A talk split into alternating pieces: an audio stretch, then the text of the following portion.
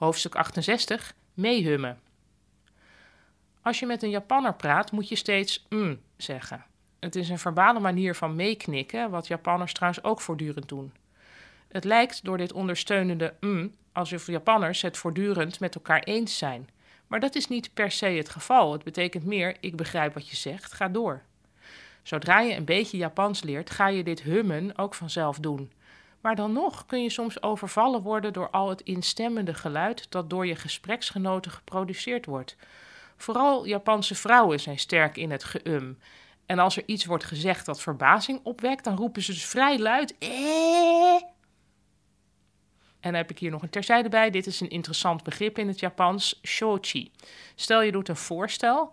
Een Japanner kan daar heel positief op reageren, maar dat hoeft niet te betekenen dat hij met je instemt. Hij bedoelt alleen maar: ik begrijp wat je voorstel is en ik wil er wel verder over nadenken. Vooral in zakelijke gesprekken kan dit voor buitenlanders frustrerend zijn.